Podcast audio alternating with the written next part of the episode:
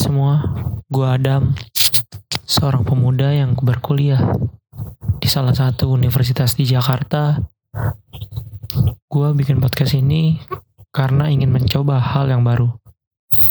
Dan karena hobi gue juga yang suka ngoceh sendiri. Isi dari podcast ini nanti juga tidak akan berat-berat amat pembahasannya. Karena ya gue masih muda.